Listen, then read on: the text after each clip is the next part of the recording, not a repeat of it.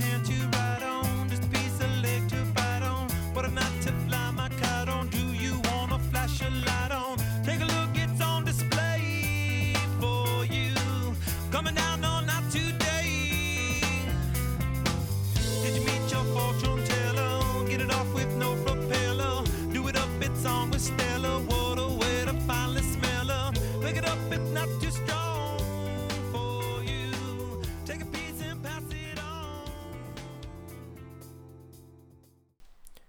De mens heeft altijd al gedroomd. Allemaal hebben we dromen gehad. En sommige vergeet je en sommige blijven plakken en daar doe je iets mee. Het o zo bekende zinnetje: later word ik brandweerman, of later word ik politieagent of treinbestuurder, of, of zelfs gewoon later word ik groot. Vaak wordt er mee gelachen, vaak gaan ze ook niet lang mee. Maar bij mij is dat wel het geval. Ik ben Simon en later word ik piloot.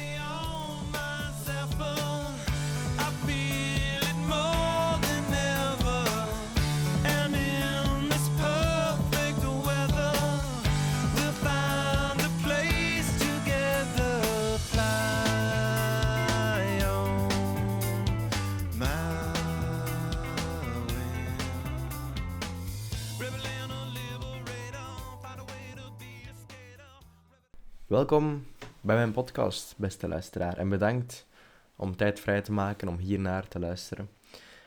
Dit is dus mijn eindwerk, een werk waarin ik onderzoek of dat ik uh, al dan niet volgend jaar piloot wil studeren of ergens in de rest van mijn leven. Maar laten we bij het begin beginnen. Uh, hoe is deze droom, deze drang om te vliegen ontstaan? Het is heel moeilijk te zeggen wanneer mijn fascinatie voor luchtvaart is ontstaan. Lang geleden heb ik een, een spel op mijn gsm gedownload uh, waarin je vliegtuigen moest besturen op een heel simplistische manier. En dat trok mij heel erg aan, verbazingwekkend genoeg. En dan ben ik dat meer en meer beginnen spelen en dan heb ik ook als gevolg daarvan verschillende andere spelletjes uitgeprobeerd en allemaal gedownload en doorgrond. En zo ben ik eigenlijk meer en meer in die, in die, in die wereld van vluchtsimulatie terechtgekomen. En dan uiteindelijk heb ik op mijn computer een, een zogenaamde flight simulator geïnstalleerd. Dat is, of een vluchtsimulator in het Nederlands. Een, een spel waarin een vliegtuig zo realistisch mogelijk wordt nagebootst op jouw computer. En waarin je dan als piloot de controle hebt over, over jouw eigen vliegtuig eigenlijk. En dat vond ik fantastisch. Ik heb dan ook vele uren achter mijn computer gezeten om vliegtuigen te besturen voor soms wel acht uur aan een stuk bijvoorbeeld. Maar dat vergt natuurlijk ook wel veel opzoekwerk, omdat je moet, je moet eigenlijk de kennis hebben om een, om een vliegtuig te besturen. Uh, en dus alle boeken die ik kon vinden over vliegtuigen las ik en veel opzoekwerk deed ik, ook filmpjes op YouTube. Alles, ik was echt helemaal into it, zoals ik dat zo mag zeggen. En dan eigenlijk een beetje het, summum van mijn uh, luchtvaartcarrière, als ik het zo mag noemen, was in het vierde jaar. Uh, voor de mensen die het niet weten, in het vierde jaar op Groenuit kan je een stage lopen bij eender welk bedrijf, organisatie, je mag helemaal zelf kiezen. Uh, en ik wou heel graag een, een stage doen binnen de luchtvaart. Of het dan nu bagageladen was of meegaan op reis met een piloot. Het maakte me allemaal niet uit, zolang dat ik maar in, het, uh, in de luchtvaartsector kon werken. Emma en Daan waren toen mijn begeleiders en um, zij geloofden er niet echt in. Alleen ze, ze waren er niet van overtuigd dat ik zou kunnen binnengeraken in de luchtvaartsector. En dan heb ik toch geprobeerd en, en honderden mails en e-mailtjes gestuurd naar uh, allerhande luchtvaartmaatschappijen, bagagehandelaars, ik denk dat er niet één bedrijf in Deurne of Zaventem werkt die ik niet heb gecontacteerd. En dan uiteindelijk heeft uh, TUI Fly Belgium, uh, de luchtvaartmaatschappij, heeft mij gecontacteerd en zei dat ik daar stage kon lopen op de luchthaven van Zaventem. En ik mocht meelopen met iemand die uh, bij elke vlucht checkte of dat alles in orde was en dat de vlucht op tijd vertrok. En dus ik heb op een, korte tijd, eigenlijk één week, heel veel gezien binnen de luchtvaartsector. En dat was echt een, een fantastische ervaring voor mij, gewoon omdat ik midden in die leefwereld zat. En dat was echt een, een geweldige opportuniteit eigenlijk. En dan, om af te ronden, want ik wil niet de hele tijd zitten praten over hoe fantastisch ik de luchtvaart wel niet vind, uh, ben ik twee jaar geleden begonnen met zweefvliegen ook. Uh, en dat is dan echt gewoon in een vliegtuig stappen en op duizend meter hoogte gaan rondzweven. Dus nu, enkele jaren later, zit ik hier en mijn interesse voor vliegtuigen is, is meer uitgegroeid tot, tot, een, tot een passie eigenlijk. En ik moet nu volgend jaar gaan beslissen of ik ga studeren aan de universiteit of hogeschool, of dat ik mijn Panamarenko-achtige drang om te vliegen ga vervullen en een opleiding als piloot ga doen. Uh, 4 Heavy, uh, flight level 320 with you. Delta 4 is on control. Moest de keuze echter zo gemakkelijk zijn geweest, had ik hier natuurlijk geen podcast en eindwerk over gemaakt. Nee, het beroep piloot heeft vrij veel nadelen eigenlijk. Uh, ik ben er zeker van dat u als luisteraar er zeker ook een paar kan opnoemen. De meest voor de hand liggende is natuurlijk het ecologisch aspect. Luchtvaart is helemaal niet ecologisch en draagt veel bij aan de klimaatproblematiek en de milieuvervuiling, omdat vliegtuigen juist zo'n grote hoeveelheid brandstof nodig hebben om te kunnen vliegen. Op de site van het Europees Parlement kan je zien dat de luchtvaart slechts 3,5% van de totale uitstoot teweegbrengt. Dat lijkt helemaal niet veel, maar de voorbije twee decennia is de uitstoot van de luchtvaart met 130% gestegen. En dat is trouwens de enige sector waarin de broeikasgassen aan het stijgen zijn. In alle andere sectoren zitten die in een dalende lijn. Daarbovenop komt nog eens dat je als piloot zelf je sociale leven helemaal niet in de hand hebt. Wat ik daarmee bedoel, dat zal Dieter, een student-piloot die ik ken, jullie nu mooi uitleggen. Heb dat straks gezegd, denk ik. Dus uh, ja. piloot zijn, ik zie dat echt. Dat is mij zo een keer verteld geweest aan het begin van de studie. Ik vond dat een goede uitspraak. Dat, dat, dat, dat piloot zijn een beetje een levensstijl is naast mm -hmm. een beroep. Dus ja. je vat die studies wel aan um, met het idee dat je dus inderdaad veel van huis gaat zijn, dat je flexibel moet zijn, dat je mm -hmm. um, een job hebt die niet zoals andere jobs 9 to 5 is. Mm -hmm. um, dus in die zin is dat iets dat je meeneemt uh, in je beslissing om piloot te worden, maar dat is niet iets dat u afschrikt uh, als je echt piloot wilt worden om, ja. uh, om dat te doen. Hè. Je, wordt, je wordt daar een stukje ook voor vergoed. Hè. Een piloot verdient iets meer dan gelijkaardige jobs als je plas van de schoolbank komt, maar dat is natuurlijk ter vergoeding van het feit dat je zo onflexibel moet werken Ja. en dat je geen weekends hebt op het moment dat, dat uw vrienden en uw familie weekends hebben. Mhm. Ehm, dus eh, ja, dat is, eh, dat is een beetje hoe dat je dat moet zien, denk ik. Mhm. Zoals gezegd moet je dus als piloot eigenlijk een opoffering maken in ruil voor misschien iets meer loon. Uh, en die opoffering houdt dan in dat je uh, niet in de weekends altijd thuis gaat kunnen zijn, onregelmatige werkuren, in vakanties gaat moeten werken, op feestdagen ook, enzovoorts. Bovenop dat alles komt nog eens dat de opleiding extreem duur is. Een opleiding uh, voor een piloot te worden kost gemiddeld 100.000 euro. Het is dus niet dat je zomaar kan beginnen aan die opleiding met de gedachte van oh, ik maak en probeer hem af te maken, maar als het niet lukt, dan is het niet erg. Nee, want je zit nog steeds met die lening dan van 100.000 euro. En dus je moet eigenlijk, als je eraan begint, heel zeker zijn van jouw stuk en weten dat dat is wat je wilt doen ook voor quasi de rest van jouw leven. Met dit alles in het achterhoofd heb ik een interview gedaan met een pilote, Hilde Goosenaerts, uh, in de hoop dat zij mij zo wat zou kunnen helpen met het maken van de keuze en dat zij mijn vragen zou kunnen beantwoorden. Delta 4, uh, good evening. The surface wind 270 degrees at 9 knots, runway uh, 28 left. You are cleared to land.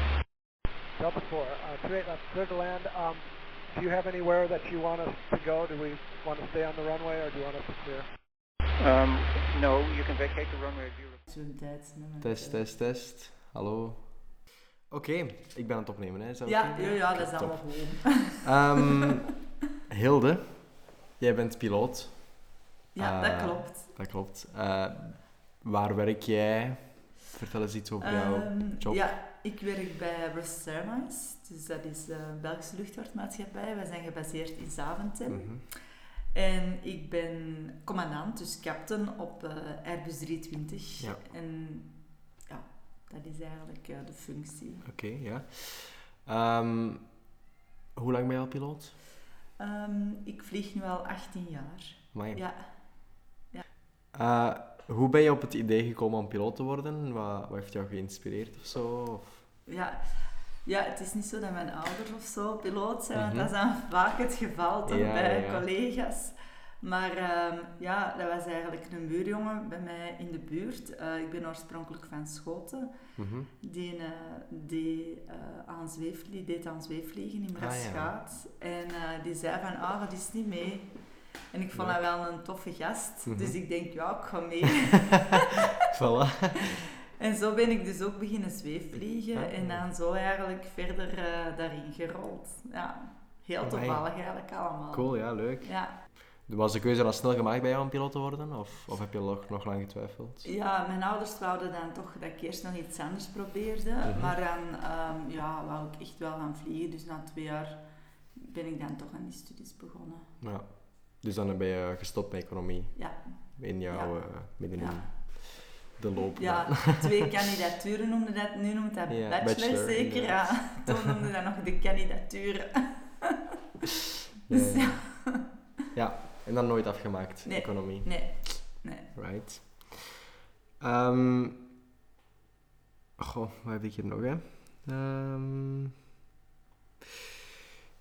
dit is nu iets helemaal anders eigenlijk, maar Ja. ik zou er ook graag jouw mening over willen horen. Ehm, in het licht van de, van de huidige klimaatproblemen die er nu zijn, hoe, hoe sta je er als piloot tegenover met de problemen die de luchtvaart ook veroorzaakt?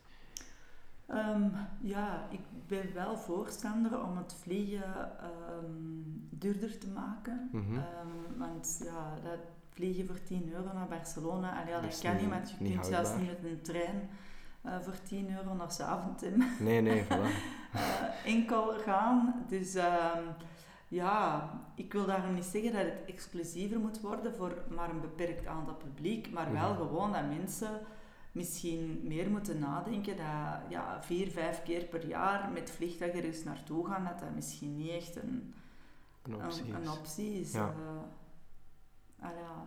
En natuurlijk, qua, allee, er is een ecologische voetafdruk als je verplaatst, hè, tenzij dat je te voet of met de fiets gaat. Mhm. Maar ehm eh, allee, onze Brusselse Airlinesboard probeert wel verschillende, ehm, vooral dan in de vluchtplannen, eh, dat wij op een eh economischere hoogtes gaan vliegen en aan een betere snelheden, waarbij dat je eigenlijk Ja. minder verbruikt. Mhm.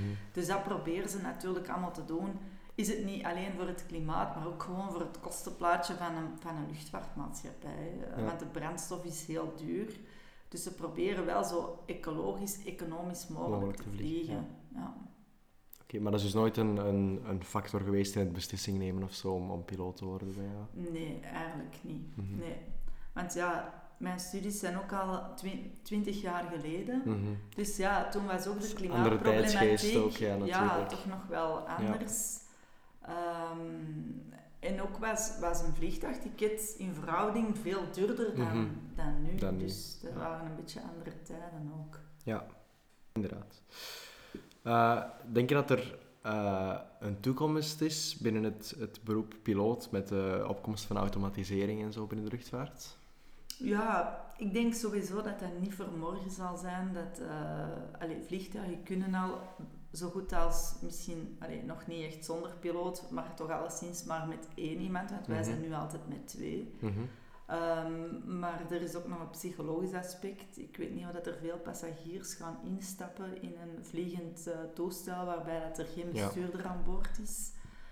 Dus ik denk, ehm, allee, voor uw generatie denk ik dat er nog wel toekomst Ja? zit in het beroep piloot. Dat is fijn om te maar horen. ik heb geen idee of dat er natuurlijk, ja, wat dat eh, verdere toekomst brengt. eh. Ja. maar ik denk sowieso dat dat nog niet een beroep is dat op uitsterven staat. Absoluut niet. Hoe combineer je je sociale leven met het piloot zijn? Want ai, ik, ben, ik ben aan het twijfelen, of ik heb getwijfeld om volgend jaar ook die studie te gaan volgen. Eh, maar dan heb ik dat besloten om... allee, ik heb nog niks besloten eigenlijk, maar dan was dat toch een beetje een mindere, omdat ik dan ook in mijn studies een jaar in Amerika zou zitten. En dan was er niet, geen zekerheid dat ik in België zou eh, kunnen werken of zo. Ja. Dus was dat, was dat iets waar je hebt over nagedacht? Of hoe ervaar je dat als? Eigenlijk toen, eh, als ik aan die studies begon, ehm, heb ik daar totaal niet over nagedacht. Mhm. Ehm, want dan is dat helemaal nog geen issue. Maar ondertussen ja, zijn we twintig jaar verder en Ja, voel ik wel uiteraard dat het een impact heeft op mijn eh, sociaal leven. Nu, daarom ook bij Brussels Airlines, ik vlieg eigenlijk 60% en voor 40% geef ik instructie. Ah, toch? Ook, Ja. Oké. En die instructiedagen, dat is eigenlijk eh, in de klas van ja, 9 to 5 zal ik zeggen, of allee, 9 to 4. Of Mhm. Ja, ja, ja. Dus dat geeft eigenlijk eh, wel redelijk veel stabiliteit. Ook Mhm. in uw vliegdagen zorgt dat ervoor dat ik ook eigenlijk meer vroege en dagvluchten heb. Maar in de toekomst sowieso ga ik wel eh, minder werken, want ja, ik heb ook gemerkt door corona uiteraard, eh uw bioritme bijvoorbeeld, Mhm. ja, dat heb ik dus nog nooit gehad in mijn werkend leven. Ja, nee, dat is, dat is wel waar, ja. En ehm, ja, allee, wij hebben eigenlijk een, een goede vergoeding, dus ik kan gemakkelijk met minder eigenlijk Ja, ook een Mhm. gelukkig leven leiden. ja, dus, ja, eh, ja, top. Maar het is wel zeker iets om, allee, in de luchtvaart, ja, wanneer willen mensen op vakantie? Ja, dat is tijdens het Tijdens de weekend, vakantie. tijdens de vakantieperiodes. Dus het is elk jaar voor ons vechten om zelf ook een beetje vakantie te krijgen in de vakantieperiode. Dus Mhm. ja. Eh, met al dit nu, ja, wat daar nu gezegd is, is ehm, zou je het aanraden eh, om voor mij om piloot te gaan studeren? om piloot te worden?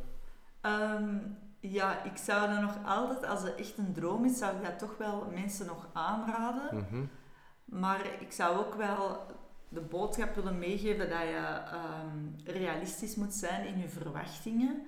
Want het is, ja, om het cru te stellen, het buschauffeurgehalte wordt groter en groter Ja. eh, bij het vliegen. Het is echt up en down, mensen lossen en laden. Ja.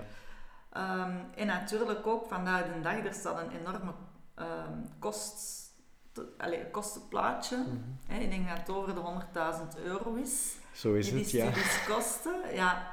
Ehm, dus ehm, ja, dat is iets om over na te denken. Uiteraard, allee, als je dat echt wilt worden en dat lukt, dan kun je dat wel op relatief kortere termijn terugbetalen. ja. Mm, maar ja, als je, als je je pilootlicentie haalt... Allee, de dingen is, als je aan die studies begint, dan moet je gewoon allee, van, je, van jezelf overtuigd zijn dat je dat kunt. Ehm, ja. Want zo, ja, het is gewoon dat kostenplaatje. Hè, om te zeggen, ik ga Ja. eraan beginnen en we zien wel, dat is niet Dat echt kun je optie. niet echt doen, nee. Terwijl als je een jaar handelsingenieur doet, hier in België kost dat niet zoveel Nee, eh, aan de universiteit studeren. Ja, dan kun je wel zeggen van ik ga dat proberen en we zien Mhm. wel. Ja. 286, turn right to Latmo. Hold at Latmo until advised and stand by for step. After Delta Whiskey 816, we turn right to Latmo, hold at Latmo. Heel erg bedankt Hilde voor dat interview. Uh, ik denk dat dat mij zeker heeft geholpen om een, een duidelijker beeld te scheppen van hoe een mogelijke toekomst er voor mij zou kunnen uitzien als ik eraan voor zou kiezen om het vakpiloot te gaan volgen. Dan rest mij nu nog enkel mijn conclusie. Eh, het moeilijkste eigenlijk van mijn onderzoek van deze podcast. Wat is mijn plan? Wat wil ik doen de komende jaren en in de rest van mijn leven? En ik denk dat ik na na al deze interviews, na al dit opzoekwerk, heb ik eigenlijk besloten om het volgend jaar nog niet te gaan studeren. Dus ik ga nog even wachten met de pilootopleiding te beginnen. Omdat ik denk dat het beter is als ik mezelf nog wat meer tijd geef om erover na te denken en te reflecteren. En als ik het zo graag zou willen, moest het echt een, een passie zijn. En dan zal het wel terugkomen en zal ik binnen een paar jaar opnieuw de drang hebben om voor die richting te gaan. Dus ik heb het gevoel dat ik mezelf niet moet haasten en dat er, dat er, dat er geen haast momenteel achter zit om die opleiding te beginnen. Het is ook gewoon een, een erg grote stap om te maken als 18-jarige om meteen die beslissing te nemen. En dus wil ik die toch nog enkele jaren uitstellen, hopelijk. Wat betreft de verschillende kwesties, zoals eh, de klimaatproblematiek en het sociale leven dat daardoor in het gedrang komt. Ik denk dat als ik er eenmaal voor kies om piloot te worden, dat ik dan die andere dingen er ook wel bij zal nemen. En dat dat eigenlijk een, een opoffering is die ik maak ehm, eigenlijk voor, voor, hetgene, voor mijn passie en hetgene dat ik wil doen in mijn leven.